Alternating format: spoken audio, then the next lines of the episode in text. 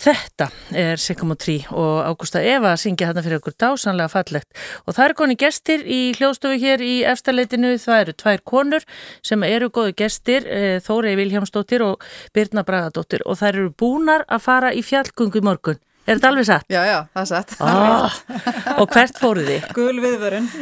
Úlvarsfell. Já. Það er alltaf skemmtilegast að fara þegar vant viður. Já, hvað er þetta? Bara eitthvað sunnudags áttak alla sunnudag eða hvað? Alla bá fjall? Við gerum það nú flestar helgar að við förum í eitthvað svona, þetta var nú óvenni stutt núna í morgun. Já. Að svona kannski, já, já, já. gerum eitthvað um helgar, svona já, ofta aðeins lengra. Og þá Hrefum okkur mest um helgar.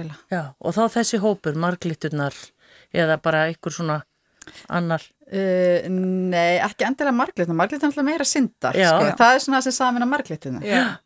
En við fyrir, við náttúrulega tvær kvöllum okkur stundum útvista kærusturnar og útvista tvíhauða og alls konar. Já. Því að við erum alltaf svona fastu punktur í, og svo erum við í nokkrum svona hópum. Já. En í morgun fórum við bara tvær. Við erum bara þreyttar á því að vera með öðrum og stundum viljum bara tvær. Já, já. Ég er grínast. Er Nú er allar heina útvist af vinkunum vinnum okkar. Nei, já, við elskum náttúrulega allar útvist af vinkunum okkar og vinni. Þetta var nú smá grín. Nei, við erum búin að fylgjast náttúrulega. Við byrjum saman í útvistinni fyrir rúmum þremur árum og höfum farið í gegnum allt þetta ferðalag. Bara nánast frá því að stígu, stígu upp á sófónum hérna tvær saman. Já. Og svo hefur náttúrulega sapnast hérna, já, fengið til liðsvö okkur alveg frábært fólk og, og aðla konur Já. og hérna og marglitturnar eru náttúrulega hluta því. Já, en Birna, ef við bara svona aðeins sem er sko stöldru við þetta, þú segir upp úr sófanu fyrir þreymur árun síðan, Já. hvað er einni gerist? Sko við hérna Þóri byrjum bara á því að fara í sjósund saman, okkur langaði að prófa, ég held Þóri, er það ekki rétt, þú settir þetta svona eitthvað áramótamarkmið til þér? Jú, það? jú, ég vissi ekki, mér langaði að prófa eitthvað nýtt, þannig að ég sagði já, best að prófa sjósund. Já, og við byrjuðum bara, ég byrjaði að við voruð á Þórei hérna bara nokkru setna mm. og við byrjuðum bara að fara í sjóin og eftir það þá tókum við bara ákverðunum að við vildum núna hérna fara að vera meira bara í útivis, prófa að æfa úti og þar með skráðum við okkur í landvettina. Já, Þannig að þetta byrjar eiginlega svolítið þar já. sem var eiginlega svolítið mikið út fyrir þetta svona svo kallan þægindarhingja okkur að gera það. Já að því að við vorum búin að vera jú, inn og út úr rættinni og eitthvað og fundum bara hvað sjórin var heilandi og uh, gerði mikið fyrir bæði andlega og líkamlega heilsu ja. og hérna og vildum prófa að að skrá okkur bara í útirækt sem var þessi landvætta áskorun. Já, Þóri, hvað gerist þegar maður gerist þegar maður fer í fyrsta skipti í sjóin svona kaldan sjóin, nú er ég ekki mm. að tala um það sem við þekkjum á sólaströnd Það er nefnilega alveg stórkoslegt og hérna, og mér langar bara að líka bæta við mitt að þegar ég byrja að stunda sjósund þá er ég svona stað í lífunni sem ég leiði ekki tróslega vel, þú veist, bara svona kvíðinn og, og svona og, og hérna og ég var svona að augra mér aðeins aðeins að fara út fyrir svona svona enn á það einn drama og það sem að gerist í sjónum er að þú gleymir öll öðru vegna að þú þarf bara einbeitar af því sem er að gerast akkurat þarna. Uh mhm. -huh. Þetta er einhvers, svona, einhvers konar núvitund og náttúrutenging sem er erfitt að útskýra en frábært að upplifa uh mhm. -huh. og það er, þegar þú færðu syndir þá er það líka bara einhvern veginn það er eins og gleymir öllu leiðendum, áhugjum, hvíða þau kemur upp úr, það er eins og skilir það bara eftir sjón. Já, en kuldin Það er stórkoslegt. En kuldin? Kuldin er bara það er bara ein af áskorunum sko, ég held að við byrna þólum báðar kulda mjög vel og sem að kemur mann kannski óvart því að við erum báðar miklar kuldaskræfur og hérna og bara annálar kuldaskræfur okkar fjölskyldum þannig að það, þú veist, kom skemmtilega óvart. Og það fer ekkert endilega saman að þú veist, kuldaskræfa, þá getur þú þólað svona sjósund bara mjög vel. Já. og við höfum nú aldrei hérna svona fengið sönnin á því í þessu ferli að undirbú okkur fyrir ermarsundi að við að þetta er, við erum að þólita mjög vel. Já, og, hérna, og því hitti núna fólk sem segja, ó ég er mjög kvildaskraf og ég geti aldrei gert þetta. Þá segja ég um þetta alltaf sko ég, ég er það líka. Já. Það hefur, þú veist, það getur þetta allir farið í sjóun þetta er alltaf, þetta spurningum náttúrulega hausinn fyrst og fremst. Að hérna ráðu hausinn og, og þegar við erum, við erum fyrir mjög oft með fólk í sjóun svona sem er að fara í fyrsta skipti. Og þá leiðbynni maður bara, þú veist, bara andarólega, ekki fara að fara ofanda, það. Er það sem líka byrni vill gera. Já. þannig að þú veist að fara andarólega og bara fara rólega á stað. Þú veist, og ég held að það sé líka svona oft munurinn á körlum og konum þegar þú fara í sund. Þú veist, fyrsta skipti, konur fara rólega á stað, karlinn fara oft og bara synda rosa hratt og andar hratt og hlaupa á stað eitthvað neina og það er erfiðara. Já. og þú veist, þannig að maður þarf svolítið svona, heyrðu, bara fara rólega Já. og gera þetta svolítið mýkt af því það er einhvern veginn líkillin að því að, að hérna, þóla þetta og, og, og njóta þess. Já, og, og- það er svo gott að þegar maður kemur upp úr það er geggjur tilfinning og það er fík Já, vil ég meina. En svo kannski vil ég bæta við að mér og þú veist það er alltaf og það kannski heldur manni svona í sjónum að það er alltaf áskorun að fara í sjón. Það er alltaf, það er, þessar fyrstu tvær mínunar eru alltaf erfiðar og jafnvel þó að maður sé hérna, hausin okkar er náttúrulega búin að læra það að, að þetta jafna sig, en fyrstu tvær mínunar eru bara alltaf erfiðar og maður þarf bara að komast í gegnum þær og þá kemur þessi rosalega velíðan sem maður fær á því að stunda þetta sjósund. já. En munið, var þetta í, var frost úti eða var þetta um sumar þegar þið fóruð í fyrsta skipti? Við byrjum að voru til, já, já, já, það var, svona, já, ég var, var ég ekki ágúst það var frekar heitur stjóri þá sko, Já. það var svona 13 gráður það er nú bara heitt sko. Það er bara heitt. Já. Já. en við syndum í öllu núna, við syndum bara þegar það er mínus 1 og 2 Já. og Stundum er að brjóta klakan til að komast og við, hérna, en þá var maður stittra. það er sko oft skemmtilega að synda á veturnar, það fyrir maður ekki til lengi, þá er maður mjög stutt en þá fær maður svo mikið kikka því það er svo kalt. Já, og það er náttúrulega, kuldakikkið er eitthvað sem maður er sannlega fóturs. Já, svo verður maður alveg sjúkur í sjóin þannig að við bara þegar við erum að fara um landið út af kannski einhver, annar útivist þá förum við bara sjóin hvar sem við getum. Já, að því við horfum á hafið og hugsaum bara vá hvað það verið æðislegt að synda hér. Já. eða æðislegt að synda hér. Og við erum alltaf að prófa að reyna að fara sem víðast. Já, Sjórin verður svona miskýrnilegur, við erum að keira til dæmis vestfyrðina og okkur langar bara helst að stoppa einhverjum einasta fyrði og, og hérna fara að synda. Og við erum að synda í. Heyrðu, Þannig að, við vorum einmitt að halda fyrirlestur fyrir hérna, félagsúfyringa, þessast kvenna, hérna, kvennakvöld hjá þeim og það var alltaf fyndið, við höfum ekki alveg átt okkur á því þegar við fór, komum og töluðum við það við áttum sko vídeo okkur að synda á Suðureyri um vetur, bara hávetur. Svoandafyrði, já. já, og Suðureyri við Svondafjörð og hérna, og þá allt í hennu fórum við að skoða, bara já, heyrðu, við erum búin að synda eiginlega í hverjum einasta fyrði búin að dýrafyrði, öndafyrði og hérna í Svondafyrði og svo líka oft við höfnina á Ísafyrði þannig að þú veist, við einhvern veginn greinlega erum svona ómeðið að þræða hérna vestfyrðina og synda þar já. í, í fjörðunum sem er náttúrulega alveg frábært Já. einna upp á stöðunum okkar En það- gerðist þetta þá bara eftir að þið ákveðu þarna að fara fyrir þreymur árum að þá hugsaður bara, já, þetta er, þetta er málið. Ég, Já, það gerðist eða bara óvart og þennan vetur bara strax eftir að hérna, við byrjuðum að synda sjósunda þá hittist við örgulega alveg tvisa þrísar í viku. Þar sem við vorum bara alltaf tvær að synda já, í nautalsvík og það hérna einhverju galdrar. Já, þú veist, það er bara einhver óút, það er bara erfitt að sk- útskýra þessa velíðuna tilfinningu. Og það er þegar maður stendur upp úr sjónum, þegar maður er að lappa upp úr sjónum eftir að hafa verið að synda og skora svona sjálfan sig, að maður kemur alltaf upp eins og maður hafi hérna sigra sjálfa sig og það er bara þessi tilfinning sem er líka svo frábær. Já, og ég meina, ég er náttúrulega stund, við báðar stundum mjög mikla úti, veist, og ég held að sko sjórin er einhvern veginn svona þessi, eins og maður segir svona go-to staður til þess að hérna fá þess að velja. já, Svo lótum við þetta líka oft sko sem svona bara svona trúnu, þú veist, þegar við erum að leysa einhver mál eða þurfum að ræða einhver svona vinkunum mál, þá syndum við við. svona. Já, já, Það er svo veturnar, þá erum maður ekki að synda skriðsund út af bara, það er svo kallt og ekki gott að vera með höfuð ofin í. Þá erum við að synda bara bringusund og spjöllum allan tíman Ah. og erum bara að leysa einn ymsu mál að leðinni í sjónum Já. sem er rosalega gaman. Og hvað eru þið lengi svona venjulega? Bara, Svona, núna eru við kannski, hvað, leys. Nú er sjórin, hvað, 3,7 gráður cirka. já, Um, já, við syndum ekki, þá syndum við, kallast að synda út á kaðli í Nautalsvík. Já.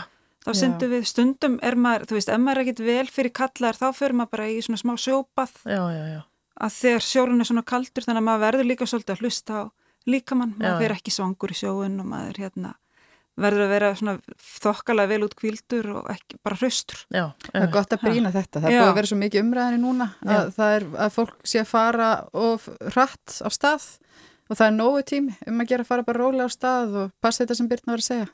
Vera velnærður og, Já, og hlusta á líkamann. já, Mm. passa upp á sig. Já, en hvað hérna þessi landvættir, hvað er það? Hvað er það hérna, er það, það er væntalega einhver afreikaskrá eða hvað?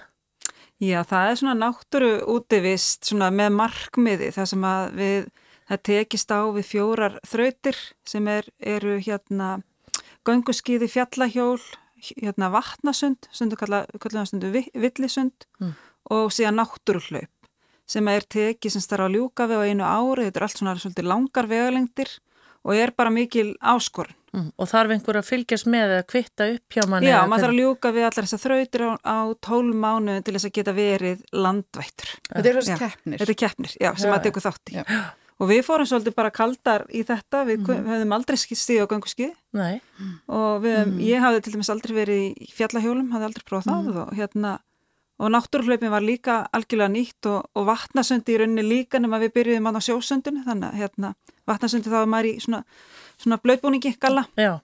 og uh, við bara tókum þetta í eitt ár og, og kláruðum þetta bara virkilega stoltar og svo tókum við hérna aftur annar ring árunni setna Já. til þess að hérna eins og ég segi stundu, sanna að þetta hafi ekki verið tilvílun. Já, þannig að ertu þá að reyna að bæta þig árið setna eða betri tíma eða er þetta aðalega bara svona? Bara njóta eða svolítið. Já. Ég stundum að fólk er bara að gera þetta sínum fórsendum, þú veist, sumur að reyna að bæta tíma sinn, þú veist, aðrir eru að hérna, reyna bara að ná að klára mm -hmm.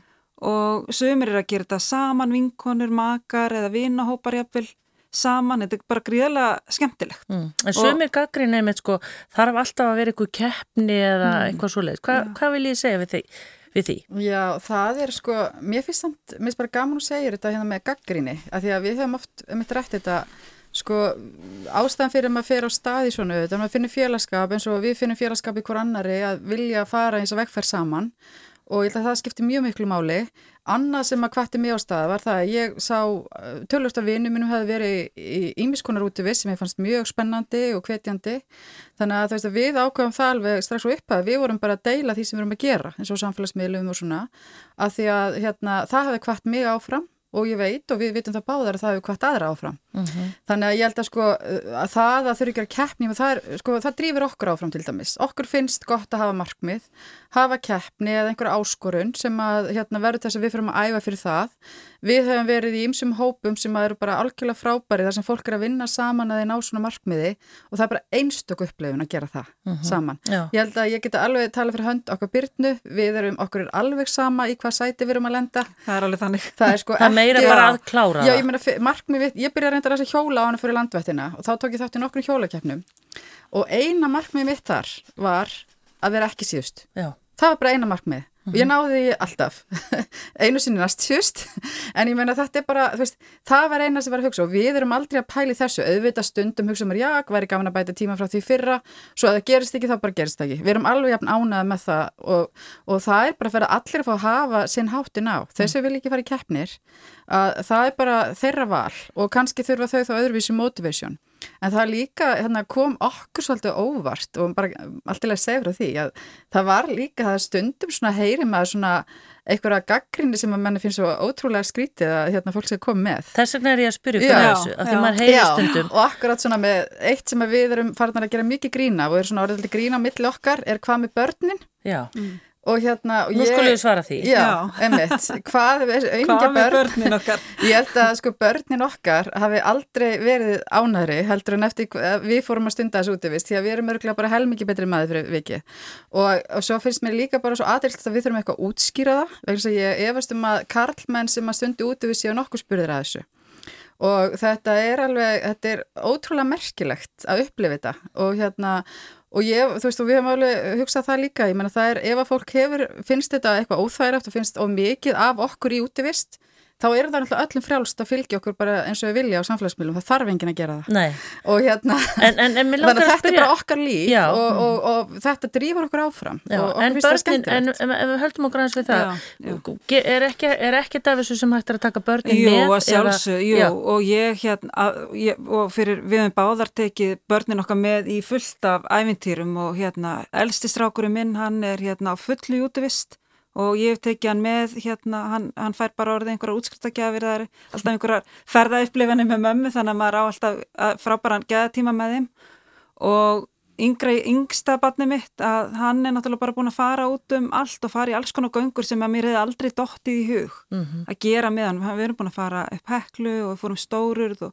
gengum áttafjöld síðasta sumar og alls konar sem að mér hefði ekki dóttið í hug en til að gera með honum ef að ég væri ekki orðin svona virk. Nei, en þau bara kannski, já, hvað er mamma einn? Æ, hún er að synda þarna eða já. hjóla, það er bara svolítið töff eða Já, ég... Þið ert að séu bara mjög stolt af okkur, ég finn það allavega. Já, þau eru það og þeim finnst alveg allavega þegar dótti mín, hérna, þegar ég kláraði ermasundið og og hún sagði við mig að hérna, henni finnst ég vera sem er 16 ára frábær fyrirmynd þú veist, þá þarf ég ekki meira Nei. þú veist, þá finnst ég að bara já, þú veist, hérna kannski bara er ég það fyrir Já. hann En hverjir er að spyrja þessu? Hvað með Já. börnin? Sko, ég, mér ángast að bæta við þetta, þetta er nefnilega svo það sem að Birna var að koma inn á að, þú veist, ég hef mitt farið með börnum mig líka og fyrsta símtali sem ég fekk þegar við vorum búnar að senda yfir var frá dóttur minni og hún sagði mamma, ég er svo stolt að þér og hérna, þetta er bara þetta held ég skiptir þessu miklu máli. Og ég meina við viljum vera fyrirmyndir fyrir bæði dætur okkur sinni að, og það skiptir einhver máli hvort þú ert karlæga kona. Þú átt bara geta farið í útivistans og vilt.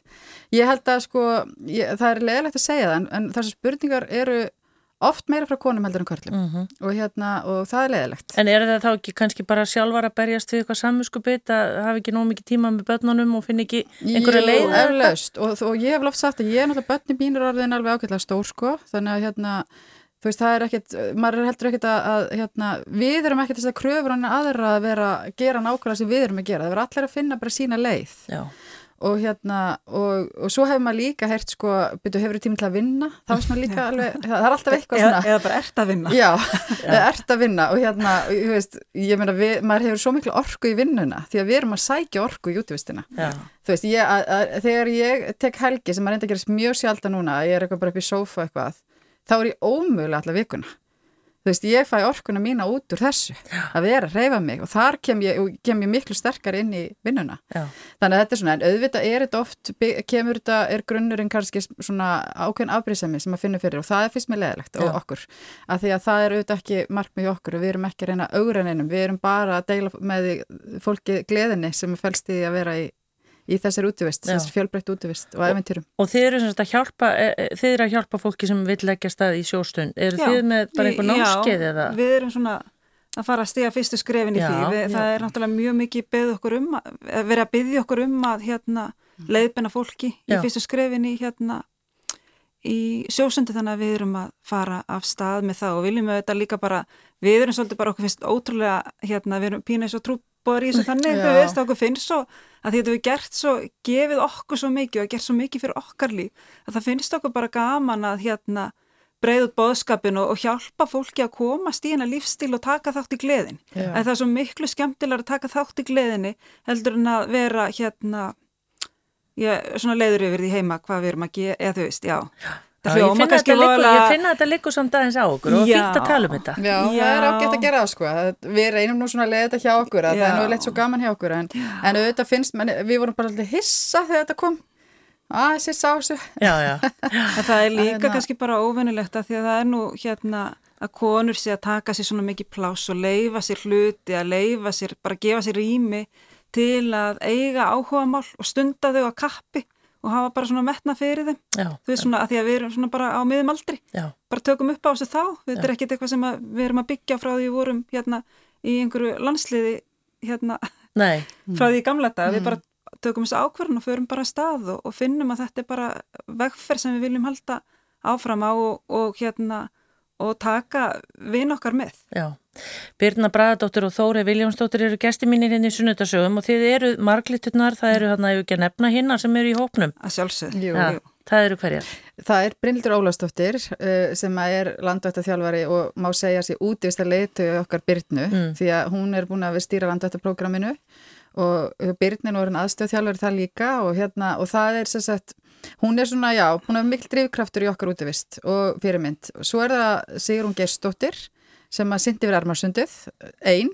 Já, alveg. Og- Fyrst hvenna, íslenskra hvenna, já. já. Og Og- eina konan sem hefur gert það. Já. Já. Og við sem sagt, áttum mjög erfitt með að nálgast hana, við vorum svo feimnar. að, Já, hérna, hún því að- mikið ædol. Hún svo mikið ædol, Já. sko. En hún, hún kom sem betur fyrir með okkur og var nú aldeilis sko fengur því að fá hana. Já, Þvílík reynsla sem að hún býr yfir og þvílíku nagli og þegar maður er búin að fara í gegnum ermasundi núna sjálfur og sér bara hérna afreiki sem að hún hérna, já, það, það sem hún gerði, það manni finnst það með ólíkjumd. já. Einmitt. Já, Og svo, svo eru er- Haldur að geða Mattiasdóttir Proppe sem að hún er með svo langt nafna því hún er svo mikil ofurhetja.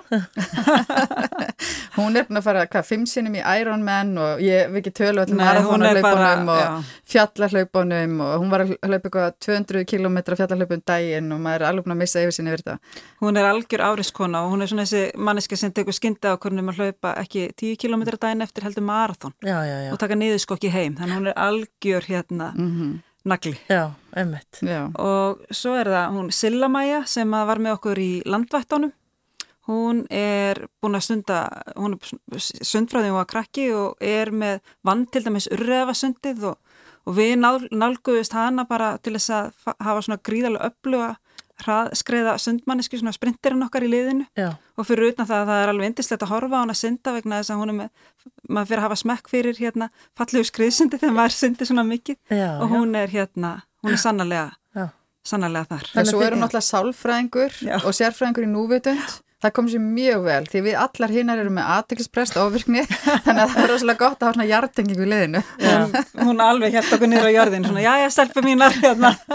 Þa, þar með er það þá upp, upptalið? Já, Já, og, það það, sex. þá eru þið sex. Við Já, Svo má kannski ekki gleyma það að við vorum með alveg bara frábæra, frábærst stuðnisnet líka. Það, hérna, Greta Ingþórsdóttir var liðstjórun okkar og hún hafði áður farið með hérna, honum Benedikt þegar hann fór og syndi einn yfir Ermarsundið.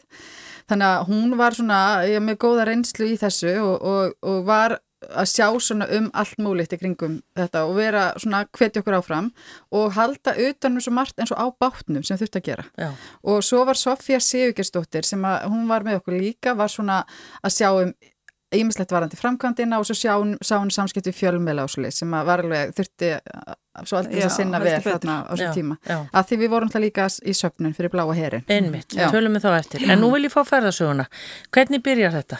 Undurbúningurinn og, og svona, já, svona ferðalagið. Skipt, eða þið bara myndu skiptast á að segja okkur Já, þetta. sko, ef ég segi bara alveg, bara byrjunin, byrjunin, hérna hefst fyrir, já, rúmum tveimur árum síðan þegar, uh, já, við vorum búin að vera að synda þarna bara eitt sumarið við, hérna, Þórei og ég, uh, hún var upptekinn þennan dag og það var auðvitað svona sund, bóðsund yfir hérna skerjafjörðin frá sem skrásleipu skúrónum í Vesturbænum yfir til hérna út á að, og í framhaldinu eitthvað búið til Guðuna og ég ákvaða að skella mér þangað í þetta, þetta bóðsund, skemmtilega bóðsund og með liði og ég kem, og þetta er kannski bara ágætt slýsing á því hvað sjósundi gerir fyrir mann, að ég kem aðna upp úr sjónum á Bessastaðanesinu Sigri Rósandi full sjálfströist og hérna ringi hérna bestu vinkonu mína og segi við hana hérna Þórei, ertu til í að synda með mér ermasundið? Og þar hefst þetta hún segir auðvitað bara já. Já, Þannig að hérna, en ég ætla bara að benda að bestastæðasundið er sko þrýr kilometrar og ermasundið er 34 í beinni loftlínu. Þannig að veist, þannig að þar bara settum við okkur markmið og fórum í það að panta bát, setja saman hérna lið og bara að, og setja stefnuna á þetta sund. Því að ermasundið er gríðilega eftirsótt uh, og það er erfitt að komast að og það er alveg tveggjar á byð og byðlisti að komast hérna og fá bát og hérna áhöfn til þess að sigla með manni já. yfir sundið. Það eru svona margir sem eru spennti fyrir þessu. Já, en það eru bara fáir bátar, þú veist, þetta eru tól bátar sem hafa leifi til að fara þarna yfir og þeir með að vera með 34 34 hópa eða einstaklinga í einu hverja vikuna þannig að þetta er ekki droslega mörg og svo koma bara vikur það sem er ekki hægt að fara út af veðri þannig að þetta er ekki droslega stór gluggi sem að hérna hægt er að nýta sér Nei. en við vissum þetta auðvitað ekki þá eina Nei. sem við gerum var bara panta okkur fyrsta sundri þannig að við varum fyrstar yfir bát sem okkur leist á, við vorum búin að lesa alls konar reviews og svo var bara næsta dagskrá að setja saman lið Já, en það að skuli, þetta var í september, er það ekki? Mhm. Eh, hvernig er það með að velja tíma? Er það bara, Já, sko, við völdum alveg sérstaklega þann tíma. Við vorum að skoða um að gera þetta ári sérst fyrr, að því við erum að horfa þarna alveg tvö ári fram í tíman. Við vorum að hugsa um að gera þetta 2018, þá var, var ekki nógu góðu tími, það var í byrjun júni og við höfum náttúrulega ekki svo mikið tíma, eða sérst, mikið færi á að æfa okkur þá hér á Íslandi. Því að mjög margir sem við hittum til dæmis úti er að koma frá Indlandi eða svona heitari löndum. Tölvöld margir það og, og það fólk er að fara í kaldari sjó. Á meðan við erum að fara í heitari sjó. Já, einmitt. þannig að við ákvaðum þá að býða frekar eitt ári viðbútt og fá svona uh, gó- góða, gott hérna slott og sem við fengum sem er hérna í byrjus eftir verð þykja góðu tími bæði er sjórin orðin frekar svona heitu þá og þú veist það er svona uh, 16-17 gráður að meðaltali og, hérna, og það þykir bara að vera svona góðu tími líka upp á ströyma og, og, og veður og annað. og þarna fengum við þetta líka sumari til þess að æfa okkur. Já, Við þurfum að nýta alveg bara allt sumari í æfingar af því að það er ekki að taka langsund á Íslandi yfir vetratímar. Sjórun er bara allt og kaldur. Þannig að þá voru þau miklu meir en tíu mínútur hon í sjónum. Já, þá voru við, eiginlega mesta sem við syndum núna í sumar var hérna, við þurftum að, til þess að meiga synda í rauninni ermasundi, þurfum við að ljúka við tveggja tíma sjósund í sjó sem er innan við 15 gráður. Og það var eiginlega bara stóra áskorun sem að hérna, okkur kveið mest fyrir, af því að þegar við vorum búin með þetta tveggja tíma sund, leið okkur eins og við værum bara algjörlega tilbúnar Já, til þess að hérna, sigra ermasundi af því að það er gríðarlega fyr, fyrir þann tíma höfðu við ekki verið lengur heldur en klukkutíma í sjónum sem að er, þá er maður samt alveg að tegja, tegja sig mjög langt upp á hérna kuldan Mhm. og að fara í tvo tíma í, í sjó hérna á Íslandi er gríðarlega langu tími og við þurftum allar að standast það próf sem að við lukum við mánuði áður en að við fórum í, í hérna ermasundi. já. Svo haldið þið af stað út og það er hvað, Dover á Englandi eða hvað? já. að- Við förum þangað og hérna það er kannski líka gaman að segja frá því að liði kom kannski ekki saman alveg svo auðveldlega til að byrja með. Að það voru alveg fyrst allt aðrar í liðinu. Já, Þannig að já. það voru svona... við getur vorum- allt gerst. Já, þú veist, við vorum bara svona fasti punktar bara, þú veist, ég, við Birna og svo Brynhildur og það voru aðra fyrst og svo bara er náttúrulega það kemur svolítið að þessu, þá fer þetta þú veist, það er náttúrulega ekkert allir sem öllum sem langar að syndi við ermasundið og við sáum það svo sannarlega í þessu ferli, þannig að, að á endanum settum við sama liði þannig að við bara höfum á svona neyðarfund og hugsaðum bara hverjar eru mestu naglarnir sem við þekkjum og þannig raðaðist raunverulega þessar þrjári viðbót sem eru hérna, Sigrún, Haldorgiða og einmitt. Þannig, að- þannig koma þær inn og þetta líka voru konur sem þurftu ekkert að hugsa svo um þegar við erum að ringi þar. Bara þær koma strax inn. Og, En- en og liði var eiginlega ekki bara full manna fyrir síðasta vor. Já, það var, það, það var, já, það var þannig. Þannig, En- að þið, þannig að þið hittist hann úti þá? Já, við hittust í Dover og, hérna, og þar, það er umverulega við komum hann eitthvað annar september og við eigum þannig sundrétt 3. Hérna, september til 10. september og við vorum eiginlega alveg, sko við vorum búin að æfa okkur mjög vel fyrir þetta, þetta tvekja tíma sundur byrna kom inn á, svo vorum við búin að æfa líka að synda í háum öldum, við syndum yfir til Bessastaða frá hérna ægisíðunni og hérna og það til dæmis, það var gul viðvörun við viðvörun í, Reykjavík þegar það var. Og það var ekki bóðsund, við syndum bara hver og einn saman með Björgunarsveit með okkur svona til taks. Og það voru alveg gríðalegar öldur, það voru alveg haft í tveir metrar hérna, svona út á miðju hafið þarna á milli.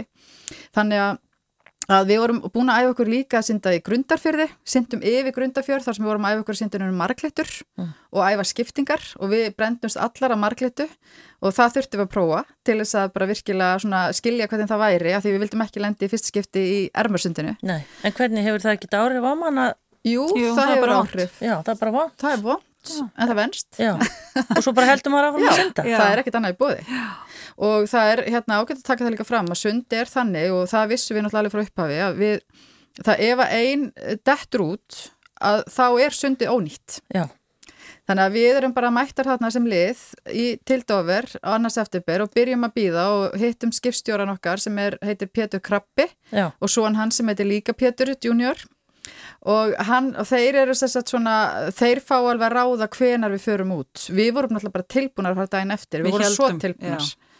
Þannig að við byggumst bara við því að fara svo þriða fjórða, við vorum allir búin að svona plana kannski helgina bara eitthvað með fjölskyldunni og svona og, og hérna ætlum bara að vera komnar heim hérna, þú veist, sjötta, sjöunda. já, En svo náttúrulega bara fóru raunveruleikin svona aðeins að hellast yfir okkur hérna, við sáum við værum ekkert að fara, sko. hvað Og var þá að veðrinu bara? Veðri, já. Já, það var bara bræla allan tíma. Það er bara já, og Gott við- erum í landi en vont að sjó. Og við vorum bara einhvern veginn enga veginn, kannski, það var kannski það eina sem við vorum ekki almennilega búinar að undibúa það að við hérna, myndum þurfa að býða svona lengi Mhm. eða mögulega það að hérna, við gætum ekki farið vegna viðs. En er það þá bara af því að sjórin eða er þá rók svona mikið að öldugangur? Já, þá er svo mikið rók og mikið öldugangur og svo þarf alltaf að passa saman. Það þarf að vera þannig að, sko því að það er svo mikið munur á flóða fjöru. Það er alveg 15 metrar sko í sjáamálunu á munur á flóða fjöru. Þannig að bátarnir eru bara þurru landi þegar fjara þannig að þeir geta ekki silt út. Þannig að flóðatablan og veðurspáinn þurfa að passa saman. Þannig að það er líka svolítið snúið og þetta var alveg þetta tók á að býða, við býðum þarna alveg í nokkra daga en ég menna þú veist þarna reyndi bara á hóp eflið okkar og hversu samheldin hópurinn var. Við vorum búinar að undirbú okkur, við hefum hitt aðna íþróttasálfræðing áður og, og það hafi hjálpað mjög, þar hefði farið yfir hvernig við ætlum að vera svona gagverk hver annari hvernig við ætlum að taka á því ef að, ef að einhverju hérna, liði illa í bátnum, liði illa í sundinu, hvernig viljum við láta tala við okkur, hvernig viljum við vera betri liðsfélagar, hvað ætlum við að gera ef einn ein bara meiðist eða bara verður og hrætt eða eitthvað svo leis, Já. hvernig ætlum við að bræðast við sem lið ef sundi verður ónýtt. Þannig að við vorum bara vel undirbúnar svo leis sem lið. Já. Og það hjálpaði gríðarlega í byðinu og öllu ferlinu. Já, en ég, það var alveg erfitt að býða. Því hérna þetta var svona eins og þegar maður rófrískur eru komin á tíma og hérna það er all, alltaf verið að ringja er, er, ertu, ertu komin að stað, ertu komin að stað og það er alltaf svari nei, þú veist dag eftir dag eftir dag En, en, en hvena rennur þú dagurinn upp? Sko við förum í rauninni, fáum fyrst hérna jákvægt svar einu sinni og hérna tveimtugum áður en við förum raunverulega stað og þá erum við alveg tilbúin að búin að vesla í matin og mætta niður í hérna, á höfn þegar skipstjórin kemur og segir við förum ekki dag, það er ómikið bræla. Já, fjörum nóttinu. Já, fjörum nóttinu og við vorum gríðarlega svektar. Já. Og þetta líka þegar maður er orðið svona spenntur og minna, við erum búin að býða tvö ár eftir þessu og maður er einhvern veginn bara, þú veist, er þetta kannski bara ekki að fara að gera. En gáttu þið verið eitthvað að synda eða? Já, já, við gáttum, já, já. við æfðum okkur alveg, við vorum með rútínu í hérna í England, það sem við vöknuðum á mótnana, skiktum á veðuspána fórum í morgumat, klættum okkur, vorum alltaf við ákvaðum að vera bara sem lið, klættum okkur alltaf, vorum alltaf eins spötum, svona gráum joggingalla og hérna, og fórum í sjósund. Já. Og svo fórum við setjumpartin líka í sjósund, að það var alveg gott fyrir okkur að, að því að það er alveg aðeins öðruvísi áferð á ermasundun heldur hérna heima. Það er meiri ströymar og öðruvísi öldur, hann er saltari og það var gott fyrir okkur að svona prófa að synda þarna Já. líka. Og svo var líka áskorun að við þurftum náttúrulega að kvíla. Það er gríðarlega áskorun fyrir okkur þannig hópa að kvíla. Já. Þú veist, vanalega drefi við tíman með því að hreyfa okkur. Já. Þannig að það var líka annað sem var bara svolítið áskorun. Bara þurfum að, við þurfum að passa okkur að við erum ekki að gera mikið uh -huh. því mhm. við erum ekki að fara að þreytta að synda ermarsundið. Nei, einmitt. En svo kom kallið að það er, það er umverulega tíunda, hérna, síðasti dagurinn okkar og við vissum það að ef við færum ekki þennan dag þá þurftum við að býða í unnu tvö ár. Já. Þannig að þetta getur ímyndað eitthvað að við vorum orðinlega svona stressaðar fyrir þetta en við náðum nú alveg að halda vel utanum það. En það var alveg stórkoslega stund þegar við, synd, við fórum á stað, ekki, ekki, ekki, syndum en við syklum á stað frá höfninni í Fólkstón. Við syklum þaðan, við færum okkur hérna frá Dover yfir í Fólkstón hann er nokkuð dögum áður og það er hérna klukkan 7 morgunin með þessari 6.30 og þá syklum við að þarna strönd sem er hérna á milli Dover og Fólkstón og þaðan syndir Silla Maja sem að vera okkar fyrsta sundkona af stað. Og þar hef sundið í bara gæðgjöðu veðri, svo fallegu veðri, speilsléttur sjór, sólskinn kvítuklættanir mm. bröstu við okkur. það var alveg stórkost við allar með tárin í augunum og horfum á hann að synda stað og við byrjum sérstaklega horfum á hverjara og hugsim bara draumir nokkar er að rætast. En þá áttum við náttúrulega eftir að vera í 15 klukkutíma. Já. Já. en hvað hérna, er hún sem þetta synda er þið að tala eitthvað við hann og með hann eða? Ekki, nei, þú heyrir í rauninni ekki. Það sem við gerum, við setjum okkur eirnatappa, því að maður gerir það ekki þá verðum maður hérna sjóveikar þarna mm. og, en það er samt sko það er þegar maður, það er erfitt að synda í sjónum að því að skiptingarnir eru í klukkutíma og klukkutíma, alltaf sama röðin Já.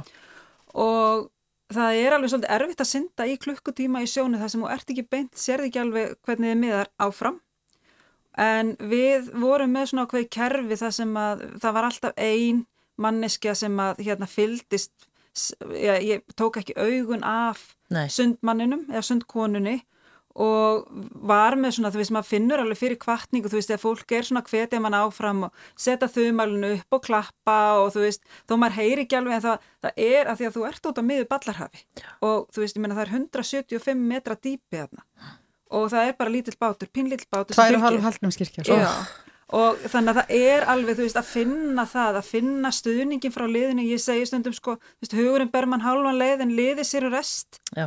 og það var alveg þannig hjá okkur að, að finna fyrir, þú veist, bara stuðningnum og kvartningunni að því að þú veist, það, það bara skipti gríðarlega miklu máli að þetta gengi vel og við þurftum að reyna að senda rætt, eins rætt á við gátum. Mm.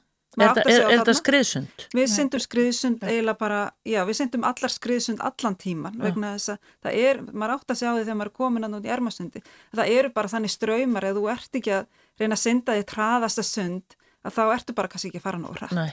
Og bringusundi þá myndi maður kannski bara að fara. Já, þú fer bara ekki eins hratt Nei. og svo er það bara þannig að, að í þessu að skipstjórin, reglunar eru þannig að skipstjórin getur blásið sundið af hvena sem er og þú líst ekki á veðrið ef við förum til dæmis einhver veikist eða við bara förum ekki nógu hratt. Mm. Þannig að við þurftum bara aldrei að taka, taka á því og, og, og standa okkur.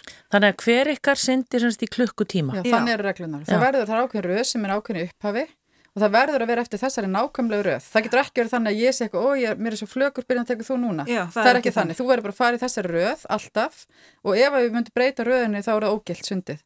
Og ef við til dæmis erum að skipta og förum sagt, út og við myndum snerta hver aðra í skiptingunni, þá er stundi ógilt. Og þú mátt Já. ekki snerta bátin á meðan úr að synda. Þetta eru mjög stranga reglur, þannig að við vorum búin að æfa þetta mjög vel og En, en það sem að gerist kannski, sem er kannski svona fréttnamast í sundinu, því það byrjar svona ofslega vel, allt svo speilþett og fallet og þetta var eiginlega bara gott til að sagt, Já. við vorum bara með einhverjum tónlist á bátnum og, bara, hérna, en hérna, auðvitað samt erfitt að synda, það er erfitt að vera út í sjó í klukkutíma, þeir líður eins og þetta séu sko þrý dagar en ekki eitt klukkutími. Nei. En hérna, svo það sem að gerist svona millir þrjú og fjögur um daginn að þá bara brestur áleika bara þetta eh, mjög vanda veður. Það bara koma þvíleikar öldur og, og vindur og við bara hérna þurftum að hafa okkur allar við bara að geta verið um borð í bátnum að þess að bara kastast út sko. þá þurftum að færa okkur á hliðarnar á bátnum sitja, það var ekkert að vera inni og halda í bara svona járnhandrið til þess að dett ekki. Og við, það var ekki séns að labba á milli. Og ég lenda mitt í því að því ég er að koma upp úr mínu setnasundi að þá kem ég upp úr, það verður svona eiginlega fyrir að verða svolítið vant viður akkurat á meðan þannig að ég áttaði mikið á því, þú veist, maður er onni í öldunum, maður er bara vanur því við erum vel vanar að vera að syndi í öldum heldur en að vera um, um borð í bát í Já. öldum Já. þannig að þú veist að þegar ég kem upp úr að þá bara, hérna, er báturinn hann fer umverulega alveg svona á hliðina Þannig að ég missi fótana undan mér og bara hérna eh, dett svona illa með höfuðið í hérna, skell með höfuðið í járnhandrið á bátnum. Og hérna, og fyrsta sem ég hugsaði var bara skipstýrum að ekki sjá að hérna, þú veist, hann bara, ég var að sína og ég sagði bara strax, þetta er allt í lagi, þetta er allt í lagi með mig, að því að ég vildi ekki hann myndi þess að aflýsa sundinu eitthvað út af einhverju svona. Og þetta þá hafði- sko. þá hafði Sigur hún líka verið búin að detta og, og hún kom í set, setna, hún bara brotin sko, bara hendinni, þannig að en hún kláraði samt að synda einu sinni viðbót sko, sem að sína líka hvað hún er rosalega hörð af sér sko. En þú, fórstu úti bara með stjörnur? Nei, ég var nýbúin að synda, Já, já, þannig já. að það var mjög heppilegt því að ég svona dattila alveg út bara í tvo tíma sko, ég lá bara þarna á gólfinu og, en þarna voru við líka allar byrjar að vera mjög sjóveikar sko, við örðum allar veikar nema náttúrulega haldóra. já. Þetta var svona, þú veist, við eldum, ég, ég get kannski sagt, þú veist, við eldum svo mikið að við pissuðum í okkur.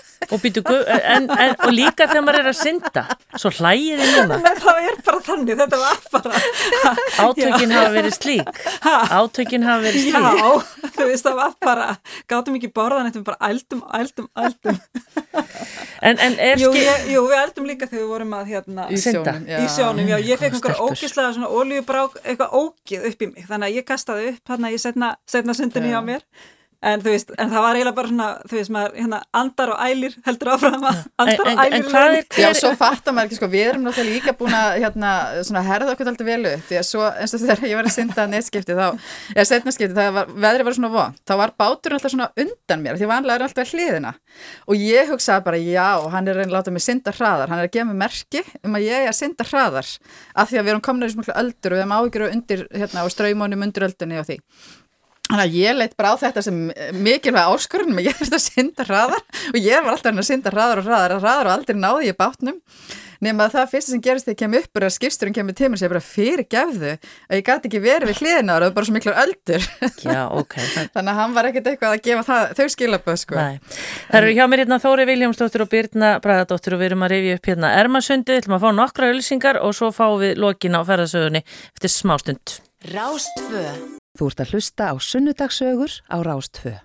Já, eins og glöggil hlustundur hafa væntalega verið að fylgjast með, þá vorum við hérna alveg í æsi spennandi ferðarsögu e, þegar það er syndu ermasundið, marglitturnar og það eru tvær hérna hjá mér, e, Þórei og Byrna. E, það er sem sagt öldugangurinn, brjála veður, allir guppandi og pissandi í sig og allt þetta og það fyndið, ha ha ha.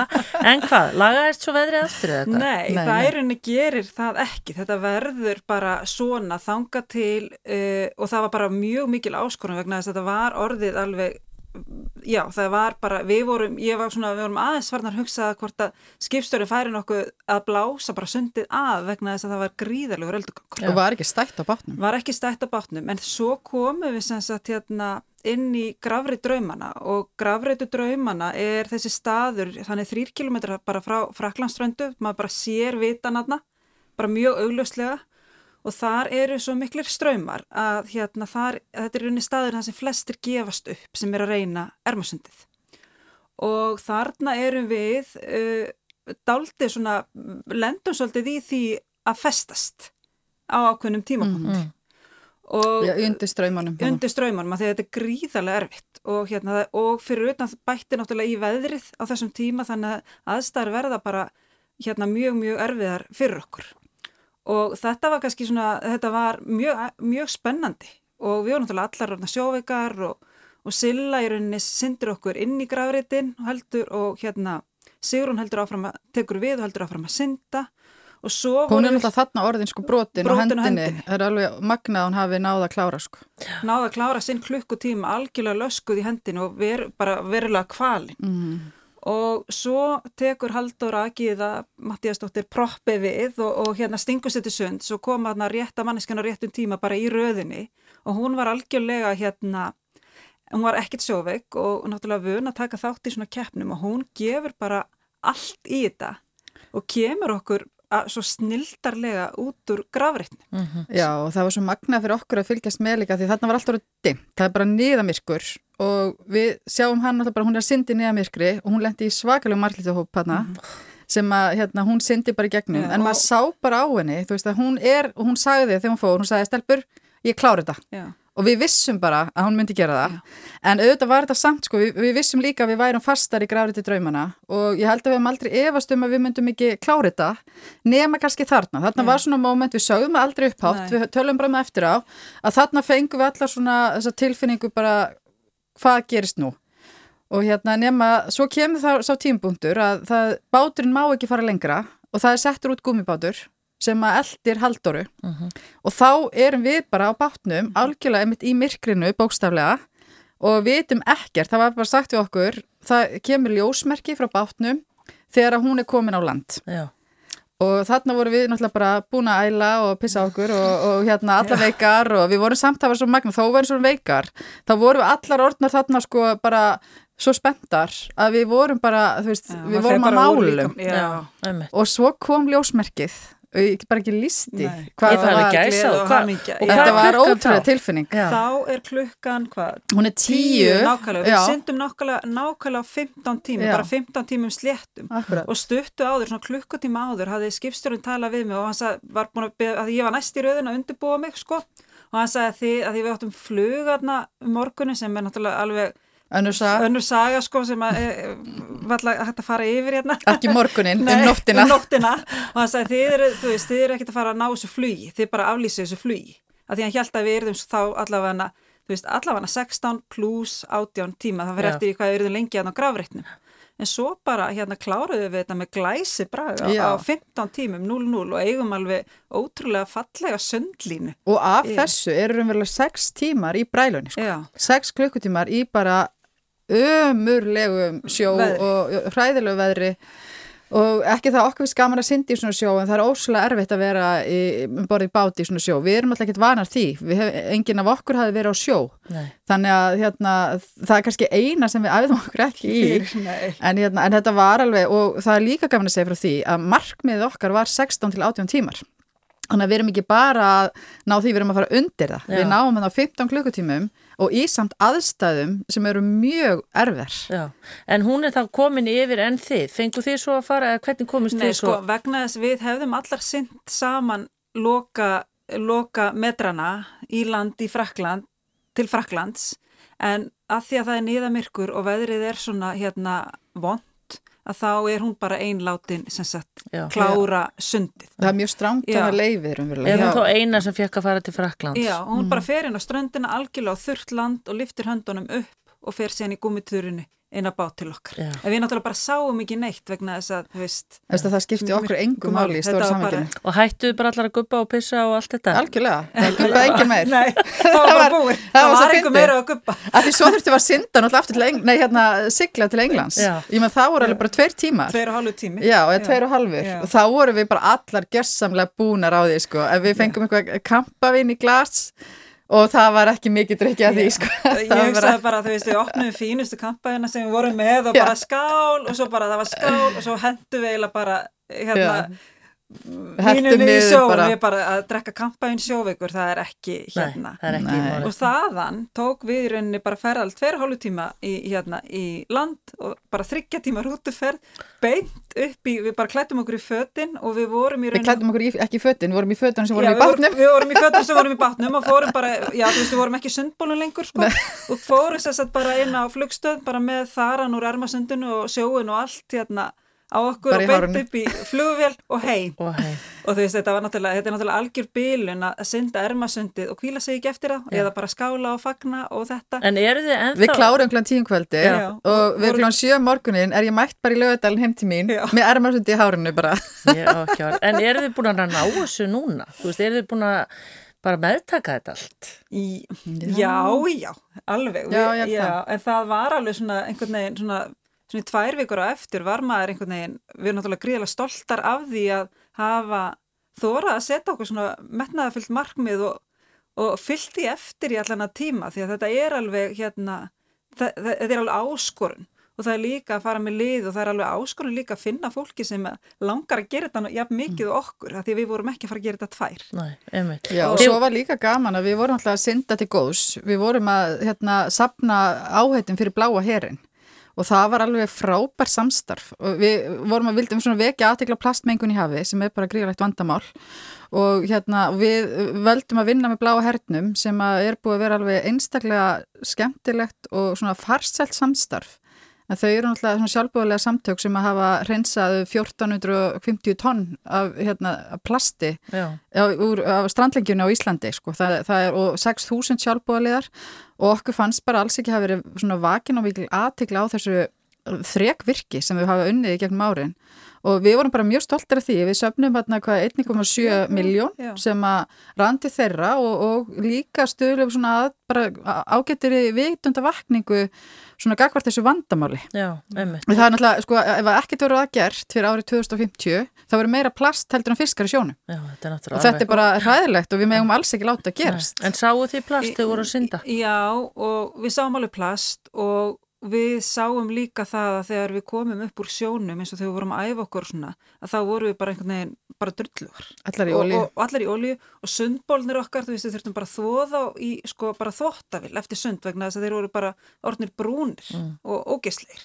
Já, og allar í olíu framann Já. og maður verður að hugsa svo fyrir þetta, þú veist, onni í lungun. Hvernig heldur að séða mitt fyrir sko sjáarlífið þegar að. En, en svona fiskar og eitthvað svona, reykið fæturnar eitthvað tíman í eitthvað svona, Nei, því miður. nei. en það En er bara ég sko- upplifið þetta sem einhverju svona jú, ók. við höfum alveg náttúrulega það á hérna alls konar svona, já, já, En ekki þarna í ermasundinu, þá sáum við ekkert líf, líf nema bara lítið, sko. hérna marglittur. Og það er náttúrulega van- vandamáli líka að þeim hérna fjölgar mikið, marglitónum þar út af einmitt hérna hlínum sjáar. Já, það er út af því. Já. Já. Og það er komað aðlægt að hlýtt, eins og Já. hérna í Nautasvíkin eru það um að sumrein en ekki veitnar, Já. Já, emmitt. mest svona haustin. Þórei og Birna, það er hérna gaman að segja frá því að þetta verður, uh, þetta var kvikmyndað, þess að tekið upp Já. og verður í þættinum þeirra Brynhildar og hans Róberts, Róberts í vetur hérna Já. hjá okkur og rúf. Já. Já. Út í Úti. þáttunum. Já, Já. og er hérna, er, var allt tekið upp líka guppið og? Ég veit ekki, ég eftir að sjá það. Þegar við náttúrulega vorum eiginlega bara rænulegsir hann að, en Róbert er náttúrulega vanur á sjó, þannig að hann var bara alveg mjög hress Hann þarna að taka og, og Tómas bróður hans líka með. frá Vestmannum báðir, þannig Já, að þeir eru ymsu þeir- vannir. Já, já, þannig að ég, það, þetta verður örgulega djús í þáttur, sko. Já, já, já. Ég ætti segt að hlýfa okkur neitt. Nei, og þið eru, þið eru fengnar í alls konar, hérna, alls konar viðbyrða sem þið eru að segja frá þessar ferðarsögur. Já, við höfum hefur verið að fara í fyrirtæki og bara til félagsamtaka félagasamtaka. og, og svona segja þessa sögu og í máli og myndum og myndböndum. Og okkur finnst bara gaman að bera út fagnarreynindi og, og, og hérna hvetja líka aðra til þess að hérna, setja sér sín markmið. Já, einmitt. Fyrir þá sem eru áhuga sami bara eins og núna með sjósundið, eru þið með eitthvað Facebook-hóp eða hver getur fólk haft Það er bara samband að við nálgast okkur byrjun á. Facebook, Já. sko. Við erum ekkert komið með neitt svona form Og það er um engin ákveðin dagur sem að er Það er eitthvað bara samkomuleg. Já, já, bara heyri okkur. Við erum við að léttar. og þar maður bara vera með hvað, sundhættu, eyrnatappa Það er nóg að eiga bara sundból eða, eða sundskilu til að byrja með. Já, Svo Það er bara, eru það ekki í skóm eða? Jú, sko, Jú, núni jú. vetratíman er náttúrulega æskilegt að geta verið í skóm og með hanska. Það er svona staðalbúnaður sem að fólk sem allar að stunda þetta þarf við þetta að eiga. Já, En, ég hef búin að eiga mitt frá því að ég byrjaði í sjósundi. Já. Það kostar ekkert mikið. nei, það er ekki dýrt að byrja í þessu Nei. sporti. Það er líka sem er frábært við það.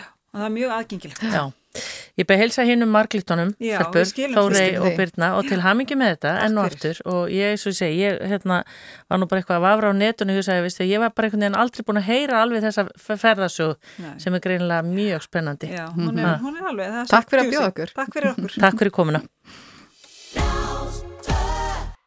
Gestur minn í sunnundasögum næstu mínuturnar, hann heitir Haugur Snorarsson og er ljósmyndari og er ekki hægt að segja Haugur og sért svona ferðaþjónustu bóndi?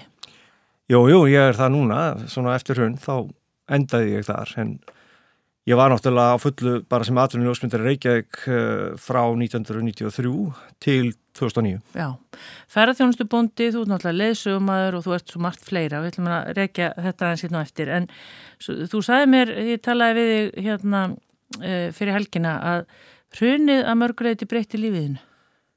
Já, já, engi spurning. Og uh, menn töluðu nú um blessa stríði hérna á Íslandi eftir stríða því að Íslandingar fengur svo mikla vinnu tengda því, við horfum öðru sér á stríðið, Já, síðara stríðið.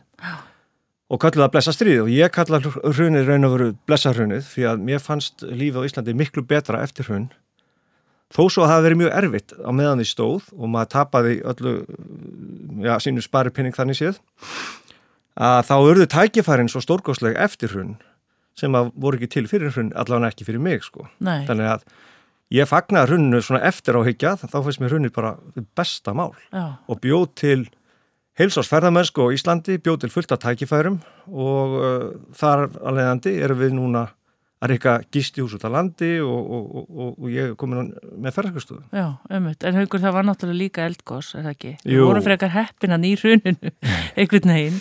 Já, þetta er náttúrulega vannuð þetta saman Já, en uh, þegar krónan veikist svona mikið og Ísland fær svona miklu auðlýsingu og svo auðvitað þessir samfélagsmiðlar sem komu í kjölfærið á gósinu það gerir svo margt í einu Einmitt. sem verður til þess að Ísland einhvern veginn kemur upp á yfirborðið sem einhvern ferðamannaland já, þannig allt þetta, Facebook, Twitter og Instagram ég sé það nú bara með mína farþega, ljósmyndarana að þeir posta og posta og posta og, og líklega einn besta auðlýsing sem færð eru fallega ljósmyndir af fólki sem kann að taka ljósmyndir.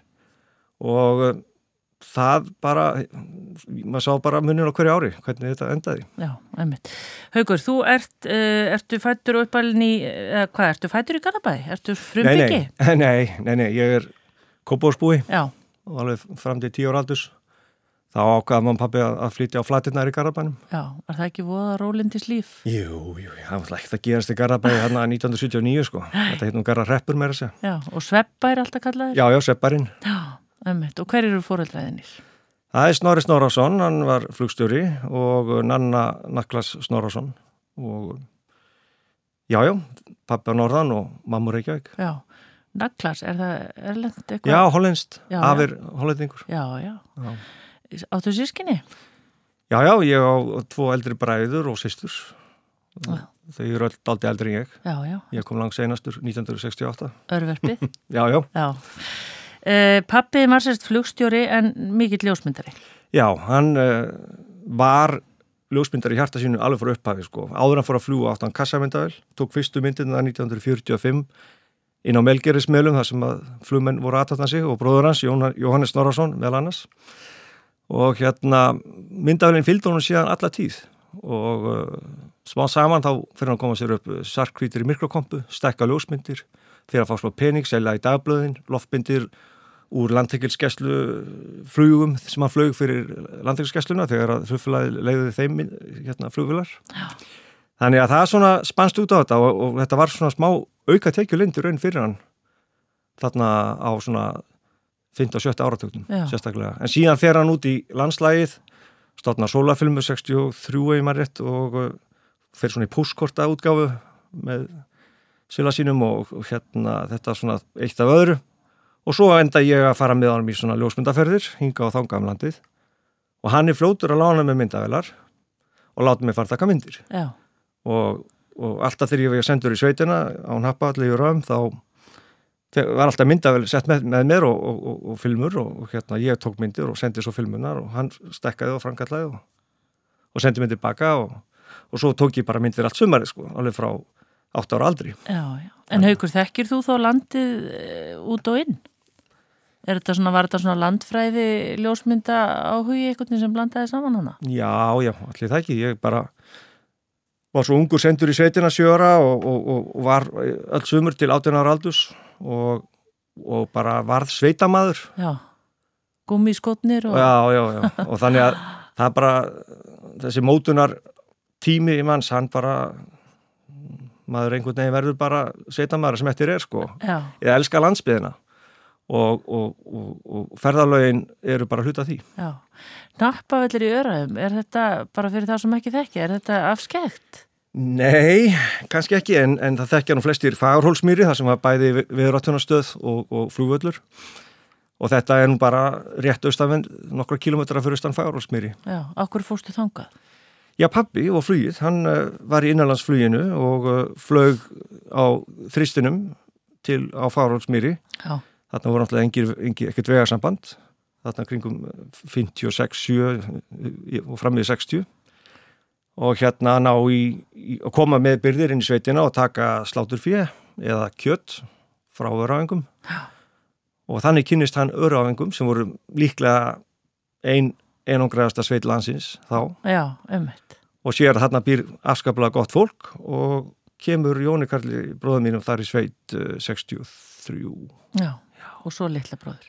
já, síðan kemur Snorri bróðum minn eftir mér í sveit og sýsti mín aðeins. Já, og ég kem þarna 75 fljótlega eftir að vegarsambandið kemur á. Já, og þú ert þarna alveg sama þá úlísárin og, og allt fjörið í bænum og þú vildi bara vera í sveitinni, Haukur. já, já, það er bara ég hlýta að kosið þetta, ég meina mér finnst þetta rosalega gaman sko. Já, og eftir því sem ég var eldri þá lengdi stölin. Já. fyrst árin var ég bara einhver tvær þrjár fjóra vikur, söðburðin og eitthvað svona svo þegar ég fór að geta eitthvað meira og þá fór ég inn í heiskapin líka og, og var stundum alveg fram á haust að taka upp karteflur og hofi og þannig að ég bara held ég haft mín besta ár þarna já, ummitt. Hvað hérna, hvena var þetta ljósmynda áhugin að svona þannig ástriðaði langaði að læra þetta? Já, veistu það, ég byrjaði svo ungur að taka myndir að ég, veginn, ég var aldrei slegin í hausin með bakteríu sko. Þetta bara smá þróaðist og mér fannst þetta bara einhvern veginn eðlegt framhald. Ég vissi sjálfur sér ekkert hvað ég vildi gera í framtíðin og mér fannst bara fínt að fara að læra ljósmyndun. Ég sá möguleika. Pappi var nú komið myrkra herbyggi, átti myndavelar og, og, og ég var farin að selja eina mynd sjálfur og svona. Þannig ég sá fyrir mig, akkur ekki ég. Uh, mér fannst ég alveg að geta að tekja myndir og, og dreymi ég þetta 89 sko. Já, og hvar lærði maður þá? þá náttúrulega er ekki skólar á Íslandi sem að kenna, þannig að þú ert annarkvort að fara til annar landa eða þú gast komist á samning hjá mistara, Já. bara nákvæmlega eins og er í öðrum yðngreinum á Íslandi. Já, og þetta var í yðngreina mistara kerfinu og ég fekk samning hjá Einar Erlendsinni sem var rak skegni myndverk og reyndar Kristján Pétur Gunnarsson líka. Þið voru þarna tveir með þetta og, og réðu mig inn og, uh, sem nema og ég var það í þrjú ár, nemi. Já, já, já, já. En voru þeir þá í svona landslagsmyndum eins og þú nei, eða? Nei, nei, alls ekki og þeir, þá voru voða fáir í, þessu. Það var pappi og Mats og Rapt Hattfjörð og, og Palli Stefans var þarna komin inn í þetta líka hans. Já. Já, já, og uh, ekkert margir að taka landslag, sko. Það þótti bara eiginlega hálf hallarist. Já. Ég verða bara að segja það alveg svo er, sko. Já. Þótti ekkert fínt, en uh, það breytist nú ekkert svona áratug síðar, þá breytist það nú tölverkt sko. Já, ummitt. En og þú starfaði lengi vel bara sem ljósmyndari og varst bara, er það ekki á fjölmiðlum og, og annar staðar? Jó, ég var reyndar uh, langt mest bara sjálfstæður og uh, kláraði þetta 93. Mm. En tókst alveg allt annað en landslega líka? Já, já, gummi góður. Tískumyndir og... Já, já, já, já. og brúðkaup og, ah. og stúdíómyndir og ég fór út um allar bæ með stúdíólósin og myndaðin í fyrirtækjum og fiskvinnslu og alls konar. Já þú væri náttúrulega svona litlu markað að vera bara allstaðar. Já, já. Ég er ekki bara eins og með leikarinn að vera ekki geta leikið meir en drama. Jú, jú. Meina, já, mm. en, en ég menna, ljósmyndin á þessum tíma ykkur, hún, ég menna, hún hefur breyst svo mikið að það er ekki eins og þetta, ég menna, eru ljósmyndarar í dag í myrkraherbyggjum? Ég bara spyr. Nei, nei, nú er það búið, sko. Það var mikil sjarmi að vera og afslappandi að vera í myrkraherbyggi og það, svo ljósmyndin sem ég lærði er bara horfinn. Þannig að vögvinn og setja myndin á hún. Já, það eru sérstaklega vögvar og frangalla svarkvít og og þú gæst frangalla filmuna eftir ákveðinu leiðum eftir hvað þú vildi fá út úr myndinni sem varst að taka. Já. og síðan náttúrulega var negatíva filman og, og það er annar prósess og maður gæst stekka það upp á uh, lit. Og svo þetta slætið og hérna slætfilmunar þannig að þetta bara er horfið. Já, og ekkert eins og LP-platan komið aftur eða? Nei, það er hægt að halda út í svartkvítur í myrkakombi í dag og fá kaupa svartkvítan pappir og filmur. Já, já, já En, en eh, sér þau eftir þessum tíma? Þetta... Já, ég sé þetta eftir að, að sko, þetta var mjög sjarmi. Það var mm, svona sérhæming, það sem þú lærðir. Mér voru mörg áralega ljósmyndir, það var eitthvað ástæða fyrir því. Já, já. Og það var margt sem þurftir að læra. Efnafræðin í kringum þetta og allt það. En, en í dag er þetta bara talva og, og ein myndavel og þú bara orðin ljósmyndari. Já. Og eru myndina jafn góðar? Eða eru það betri eða? Það eru öðruvísi en í dag eru það betri. Já, Já við getum gert miklu meira. Já, ummitt En haugur í þess að á þessum tíma þú veist eins og þú sagðir hann í upphafi að þá náttúrulega er bara einn og einn ferðamæður sem kemur til landsins og svona og landslægið einhvern veginn bara algjörlega svolítið ósnortið. Já, já, já, mikið lóskup sko. Er, ég fór nú mikið með pappa fyrsta árin og mér sé eftir í kláraði námið mitt í lósmundanámið, þá fórum við mikið og veturna og höfum gaman eða mynda frósingróður og einmislegt annað og það var aldrei nynstaðar Nei. og eiginlega það kvartlaði okkur að okkur að fara át í jökulsólónu um hávetur. Og komast það bara hálfgeft glabræði það því bara uh, út af veðri og öðru sko. Og, hérna, og, og núna keira óreindir kýmur að þanga bara svo ekkert sko já. um hávetur. En, en já þetta er bara þetta er, svo, þetta er eins og sé önnur öld Einmitt. Ég sá um daginn, ég veit ekki hvort ég sá það á Facebook eða eitthvað að þú setti mynda einhverjum fossum inn og sagðir reynið að geta hver þetta er og það komið þannig nokkra tilgáttur mm. en eru til einhverju staður á Íslandi í dag sem að eru algjörlega ósnastir og fáir við dag? Já, já, já, sem betur fer og, og uh, ég segi nú við uh, útlendingar sem ég hitti og ferðin mínum ellendis þá, þá þeir heyra ég frá Íslandi þá segir já, ah, mér langar til Íslands en er ekki komið svo ægilega mikið að ferða mörgum ákað þess að það sé orðið svona fráhrindandi. Einmitt. Og ég hérna segja já ef þið ferðið á þess að 5-6 staði þá sjáu þið ferðamenn.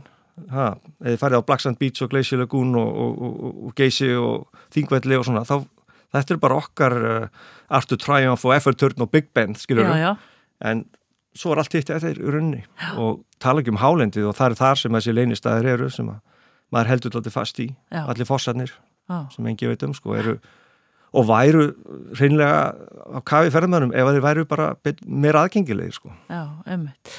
Við ætlum að tala um bókina henni sem var að koma út núna eftir aukur en þú hefur gefið tvær aðrar eru myndir að leinustöðum í þeim eða í þessari eða, eða heldur þeim bara fyrir þig og þína hópa? Nei, það eru myndir að leinustöðum hann sko Já. og það er með þess að myndateksti undir einnið þeirra, það sem ég tek fram að ég ætla ekki að segja hvað þessi fósi er því að það er svo gaman að koma aftur og aftur og hitta ekki nokkurt mann Já. ég set, set það í myndataksta og ég held að menn bera, í dag bera menn virðingu fyrir þessu Já, og meira að segja uh, menn í sankjarni, þeir, þeir er ekkert að spyrja mikið ef maður er með eitthvað leynist að sko. Nei, ummitt. Þú starfar Haugur Snorarsson við þetta, þetta hark eins og það segir, takandi myndir, vera í svona frílansverkefnum og svona. Mm. Var þetta að gefa vel? Hafður það gott? Á tímabili, já. já. Það var hérna tímabil svona framundir 2000 og, já hvað sé að 98 til 2005, mm -hmm. fjögur. Þegar þá var svona áður, sko þarna varstu með svo mikið af litlum útgáðum í gangi og það voru fullt af litlum auðlýskastofum, svona einirki auðlýskastofum. Síðan kemur þetta tímabil, svona rétt fyrir bankarhunni, svona 2005, 6, 7, 8, það sem að alltaf var að kaupa allt upp, sameina útgáfur og, og skera niður og fækka og reyna að fá arð út úr þessu og svona. Og þá fækkaði bara tækifærun og sama tíma kemur stafrana myndavælinn og þá fyrir bara Jói Frendi að mynda að því að hann kipti stafrana myndavæl og við mistum ljósmyndarar mikið úr okkar, spónur okkar aski sko hérna á þessu tíma og hérna. Mér aðast þetta að vera hálfleðilegt sko allt saman. Og svo náttúrulega sjarmir við filmuna var að maður fór og meðin í framkvöldun og maður sótt á hann á framkvöldun þar hittum maður fjóra-fimm aðra ljósmyndara og maður fór í kaffi með þeim og svo fór maður með filmun upp á auðvilskustofun hitti fólki á auðvilskustofun og spjallaði við það og kynntist svona fólki. Já. þetta kvarf bara með stafruna Já, og hugsa sér all störfin sem að hurfu bara í tengslum við þetta. Já, og ekki, ekki síst líka bara í prentiðin aðnum sko, kjörbreyttu líka. Já. En þú sem sagt, svona hafðir alveg í þig og á og hafðir og áttur aðna, en svo kemur hunnið. Já. Og þá gerist hvað, Haugur? Já, það var nú alveg skrítið að 2009 var brjálað að gera, þannig að það voru allir reyna að kaupa landslagsmyndi til að sína hvað Ísland var í fallegt og, og svona það væri allt í lægi og sko fólk held í alvörinu að það var ekki hægt að fá mat hérna sko. Já. Og ég fekk fyrirspöldnir á fólki því ég var byrjar að gæta aðeins 2006 og 2007 hvort að við hefðum mat. Já og þetta var nú alveg útrúlegt en, en ég sé bara að, að það er eitthvað að gerast þarna eftir eigifalla jökulskósið, það er eitthvað að fara að gerast og, og uh, við, maður sér tækifæri og ég þannig gerður og, og, og hatta líkarunni að, að við erum bara svona svo kettir, við sjáum það og við svona stökkum á það Já. og alla tíman höfum alltaf trú á þessu Já. Varstu þá byrjaður að fara með hópa sem sagt? Já, ég byrjaði 2006 Já, fórstu þá í skólan? eða hvað? Já, hendi mér svo í leysuskólan 2007. Já, einmitt. Þannig að þú ert í rauninni, hefðu við átt að spyrja þig út í þetta, hérna haugur, hvað var að fara að gerast vissur á rauninu eða hvernig stendur á því að þú ferð þarna í þetta 2006? Það er bara einhver teiknana sem þú sérð. Já, það reyndar það að ég gefið ljósmyndabók uh, og snarútgáðan hérna 2005 Já.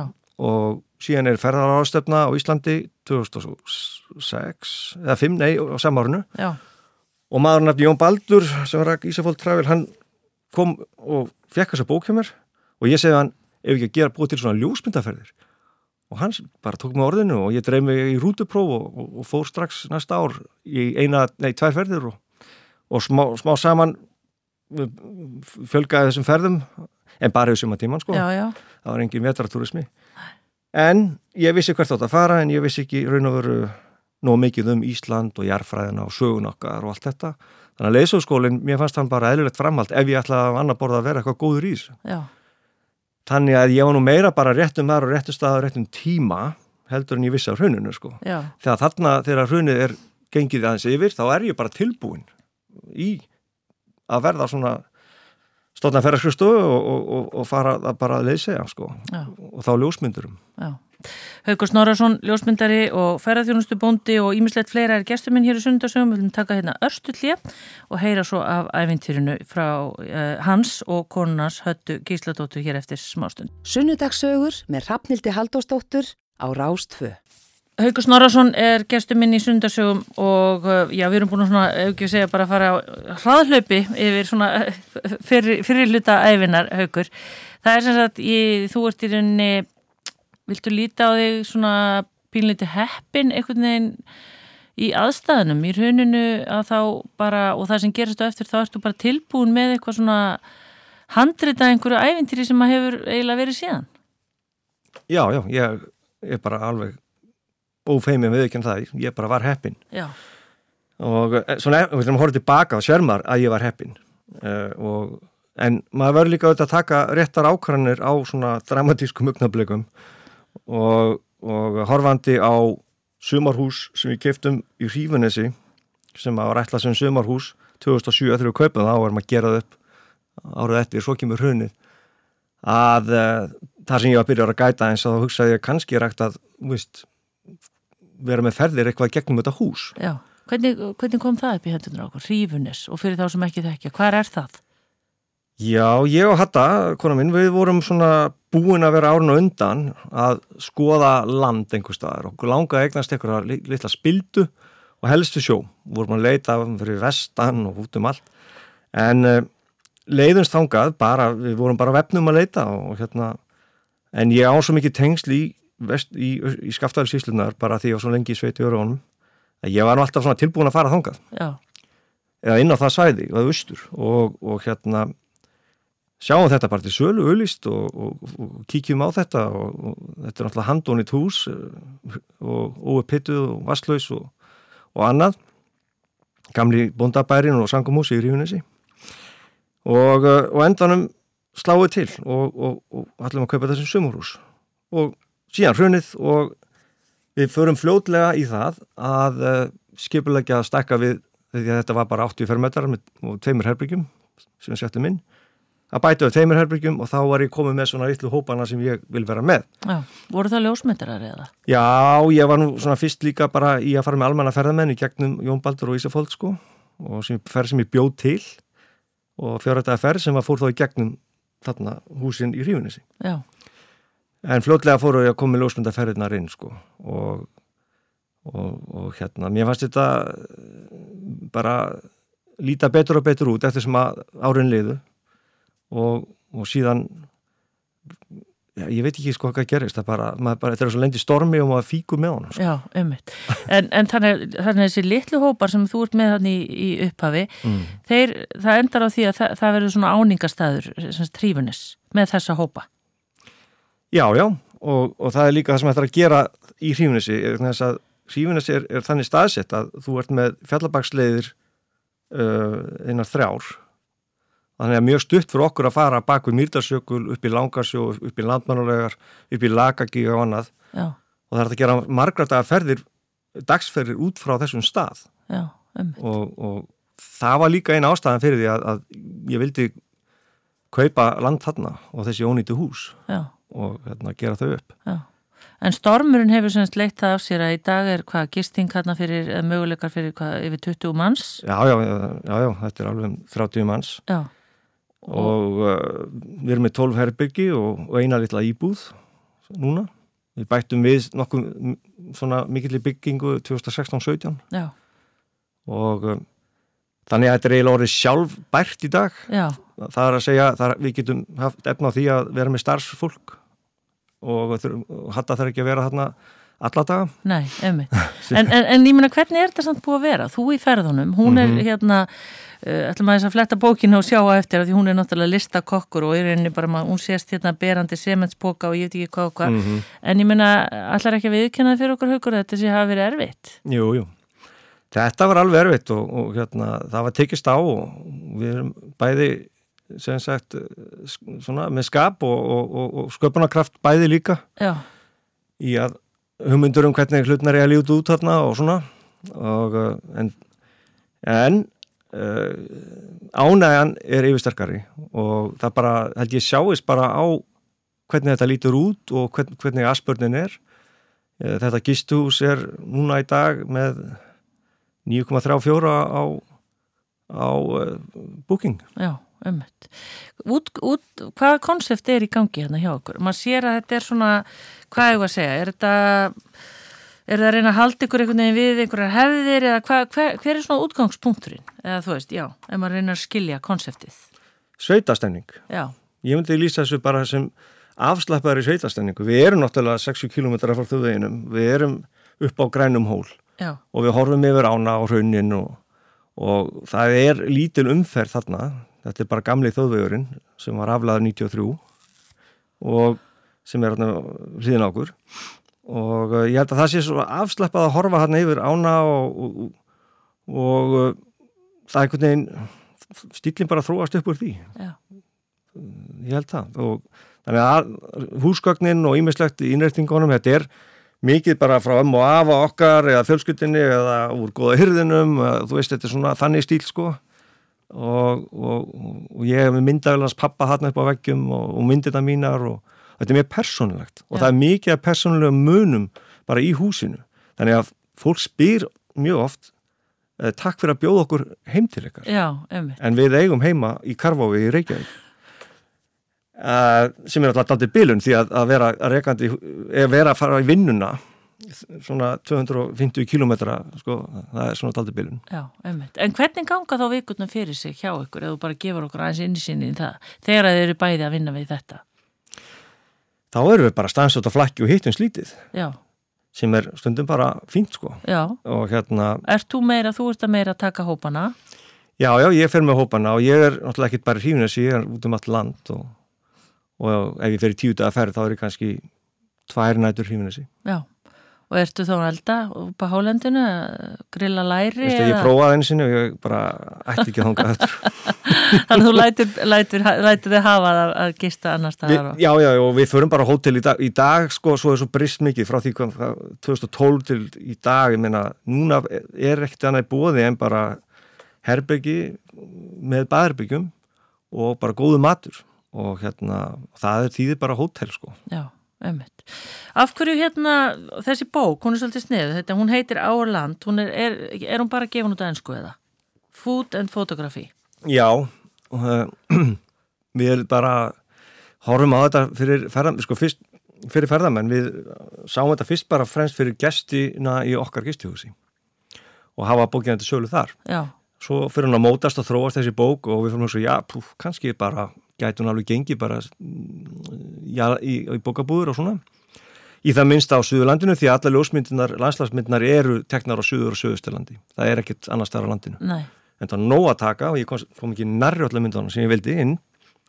En uh, en uh, já, hvað ég að segja ég, þetta er svona eitthvað sem að bara þróast í höndunum á okkur. Hatta ætlaði sér að gefa út einhver auðskritabók, ég ætlaði bara að gefa út lands, landsmyndabók, Já. það þriðið í rauðinni en svo sá ég að var hangs nýjast að slá þessu saman Já. og bara styðja við það sem við erum að gera gistihúsið og ljósmyndaferðinar og, og svona þetta er auðvitað aldrei persónulegt. Já, ég get alveg veikinn það. Já, þetta er kannski, eins fólk getur haldið að viss, þetta sé algjört ekoflip og, og það er það kannski að vissu leiti en uh, ég hef gaman að sjá sögu annara ofta tíðum og hvað fólk er að gera. Já, og, og ég hugsa kannski að þetta geta alveg virkað þannig að fólk er bara gaman að sjá hvað þetta þetta par er að gera þarna í þessu gistuhúsi og, og svona bara þeir eru saga. já, og þetta er í rauninni bara saga af þessari uppbyggingu þarna. Já, má segja það, já. Já, já. já, og alveg en auðvitað í stórgóðslegast augnablikið er þegar við erum að klára fyrstu viðbygginguna og við erum að leggja flýsarnar og þá heyrum við í útarpina sem hafið eldgós já, og ein myndin, hérna, ein opnan í þessari bók Já. er þá hleypið út og þá kemur þetta agalega ösku ský já, að vestan því að við erum næsta hús til austus frá Eifallegökli já, því að austan við Eifallegökli raun og er bara mýrtasjökull og örafi og þetta lág bara þannig að strókurum kom beinanlega til okkar. Og, og ég hljóp út og tók þessa myndir sem eru þarna og, og uh, uppliði kannski aðeins það sem að fólk uppliði áður fyrr í lagaki og kosinu svona, hvað ég segja, augnablik. Þá ringdi upp í mig ösku og, og, og, og upp í augun á mér og munnin á mér og, og ég þurfti bara að fara inn. Já. Hu- Hugsaðu þá haukur og þið, nei, þetta er búið núna. Já, smegur, við vorum að setja allt sem við áttum í þetta, þetta var náttúrulega 2010, þetta var rétt eftir hrunið, við vorum að reyna að fara að byggja upp eitthvað nýtt. Og ég ætla að reyna að bjarga mér út úr ljóstabransanum því ég sá náttúrulega að flest fyrirtæki í Íslandi voru um gjaldróta, bara með langaði ekki í þetta hark lengur. Nei, og vildi prófa eitthvað annað. Og uh, já, þetta var maður smegur, ég sagði, er, ég, sem með mér, er að koma annað hrun? já, ummitt. En hvað skemmtist margt hjá okkur eða þurftu þið, eða lendu og þessi aska? Nei, veistu, það skemmtist bara ekki neitt. En hún var til mikil, mikil óþægenda auðvitað, hún var að angra okkur alveg árið eftir. Já, en sumstaðar bætt hún gróðurinn, Jú, jú, gerðum það eitthvað hjá ykkur? ég veit það nú ekki, nei, nei. Nei, en haukur svo... Í í, skaftatungunni sko. Já, en haukur svo er líka sko, er ekki líka daldi, hvað ég að segja, erfitt að segja öll leindamálin sín. Ég menna, hatta er að gefa hérna uppskriftirna sínar Mhm. og hérna, er það ekki trætt um það að einhver fari bara apa eftir ykkur hérna? Ég veit það ekki, nei, nei Ég er ekkert smekuð það og, og við verðum heldur ekkit eilíf í þessu sko Nei, þannig að við erum komin að setja hlutan með, með þetta og okkur finnst þannig að ég held að við njótum góðs að þessari bók kannski næstu árum og, og svo eitt daginn bara seljum við það hættum. Já, ertu meinaði, langar þið ekki að vera gammal alltaf? Nei, ég, ég er alltaf til að það, allt hefur sín tíma sko. Já, og hérna 10, 15, 15 kannski 17, 18 ári í einu bransaði bara nóg. Af því að ég held að maður þurfa að vera gladur sem mest í þessu. Og, og það er svo hættulegt að brenna út og vera leiður og þannig að við erum þannig þetta ekki ennþá og ég, ég finn ennþá bara mikla gleði í mínu starfi en uh, ég vil ekki vera gammal og fúll sko í. En, en haugur af því þú ert alltaf að fást við ferðamennina dagstælega eða, eða svona eftir sambandi og svona, Hva, hvað er að gerast þar? Af því að sumir hafa svona ágjörðum að þeir sem er fækka og svona, Hva, hvað segir þú við því? Já sko, þegar að komu uh, ykkur 7-800.000 manns á árið til Íslands þá hafði ég bara fínt að gera svo komu 2 miljonir, ég hafði ekkert meira að gera Nei, það skilaði sér ekkert endilega meira til mín en auðvitað skilaði sér meira inn í þetta gistuhús þá var orðin svona meiri uh, heilsás grundvöllur fyrir það. En fyrir svona litla ferri eins og ég ég er bara með 2-3 upp í 8 og bara vil ekki fleiri. Nei, og uh, þannig að það skiptir mér ég svo, svo er þetta alltaf sérhæft þannig að það skiptir voða litla máli uh, hversu margi komið til Íslands finnst mér sko. Já. En heldur að þeir halda fram að koma? já Já, Ég hef nú verið að hugsa þetta líka eins og þú ert að spyrja mér ég, ég hugsa hvort þetta sé bara einhver bóla. En mín reynsla og ég er svona að fylgjast með bæði mínu fólki, ég er líka að fylgjast með öðrum ferðamönnum og uh, mér, mér, ég sé bara svo mikla upplifun og mikla gleði í þessu fólki. Það, það er að sjá magnaða hluta á Íslandi sem að vísningar bara við sjáum þetta ekki, það er bara þannig. Við erum bara alveg upp hérna okkur finnst raun ekkert merkileg og okkur finnst víðáttan ekkert merkileg, okkur finnst góða loftið ekkert merkilegt. Vatnið, vatnið en þetta skiptir allt ótrúlega miklu máli og meira máli eftir því sem að umhverfismálin verða meira áberandi. Mm eins og jöklarnir eru orðinir mikið stærri hluti að ferðamennsku heldur við voru nokkuð tíman áður því að það var enginn að pæla svo mikið í jöklum. Nú er alltaf að segja að jöklarnir segja hverfa og harfa nú er streymið fólk mikið til að skoða bara jökla. Já. og, og taka myndir og, Já. já. þannig að ég, ég sé ekki að mannkynnið sé að missa áhuga á Íslandi ég bara sé það ekki gerast Nei, einmitt. En að þú talaði líka um þegar þú varst að byrja í þessu, þá var þetta sumarferðamennska og svona. Er þetta hjá, eins og hjá ykkur þarna í Rífinesi og þetta, er þetta alveg orðið heilsás dæmi? já, já, já, já Er aldrei sem kemur engin? Nei. Nei, það er aldrei það er alltaf einn. já, við lokum yfir, yfir kannski svona dimmustu vikurnar. Já, Eh, það þarf bara stundum að loka og mála og laga til og, og líka bara koma sér burtu í sólinu og andaðins en uh, það er alveg hægt að hafa opið og, og hafa alltaf eitthvað að gera. Já, en það eru þetta smá svona off-season svona sem maður segir kannski apríl. Já, því þá er Norrljósun farin og Lundin ekki komin. Og þetta helst allt saman sko. og síðan kemur bara suma sísonið þarna upp um miðan mæ já, einmitt. Haukur, myndirna þínar sem komist ekki í þessa bók og öruglega uppskriftinnar höttu sem komist ekki í þessa bók, mm. verður gefun út önnur? Já, akkur ekki, ég meina kannski í lokin á þessu tímabili þarna, ég er ekkert þess á því Nei, Eh, sjá hvernig þessi gengur uh, ég er alltaf bjarsýtn og, og hérna ég bara býst við hún bara eitthvað að seljast vel þessi bók já, einmitt. hmm. Haukur Snorarsson, takk fyrir komuna á Land Food and Photography. Þetta eru Hatta Björk, uh, Björk Gísladóttir og Haukur Snorarsson sem að leiða þetta saman hesta sína. Hún með hérna, já, auðvitað uppbygginguna í Rífinessi og auðvitað allar þessar geggiðu uppskriftir og svo myndirna þínar Haukur. Til hamingi með þetta Takk fyrir það og takk fyrir komuna í Sundasögur. og já, velkomið Sunnudagsögur á Rás